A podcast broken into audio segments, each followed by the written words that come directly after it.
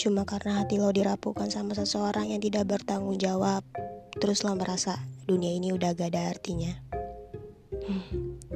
Sayang iya, goblok jangan. Lo pikir bumi akan berhenti berputar pada porosnya di kala lo sedang patah hati? Jawabannya enggak. Bumi tetap berada pada peredarannya. Dia gak peduli sama lo. Jadi, tugas lo sekarang adalah memulihkan perasaan hati lo yang lagi kacau balau dan jangan takut ketika orang lain merasakan nikmatnya bercinta, sedangkan lo enggak. Malah hari-hari lo yang kesepian itu bisa lo rubah jadi kegiatan yang lebih bermanfaat. Kejarlah cita-cita, pikirkan masa depan, kembangin keahlian yang lo punya, luangin waktu sama sahabat-sahabat lo.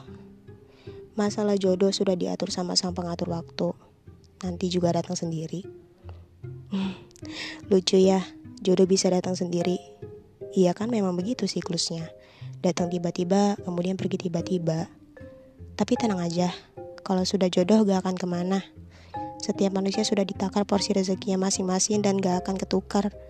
Sekarang, yakinin diri lo aja kalau lo bisa. Bisa mewarnai hari-hari lo dengan cara lo sendiri. Nanti juga lama-lama lo terbiasa. Dan paham bahwa tanpa dia, lo juga bisa bahagia. Jadi gimana? Udah gak takut lagi kan jalani hidup ini sendirian?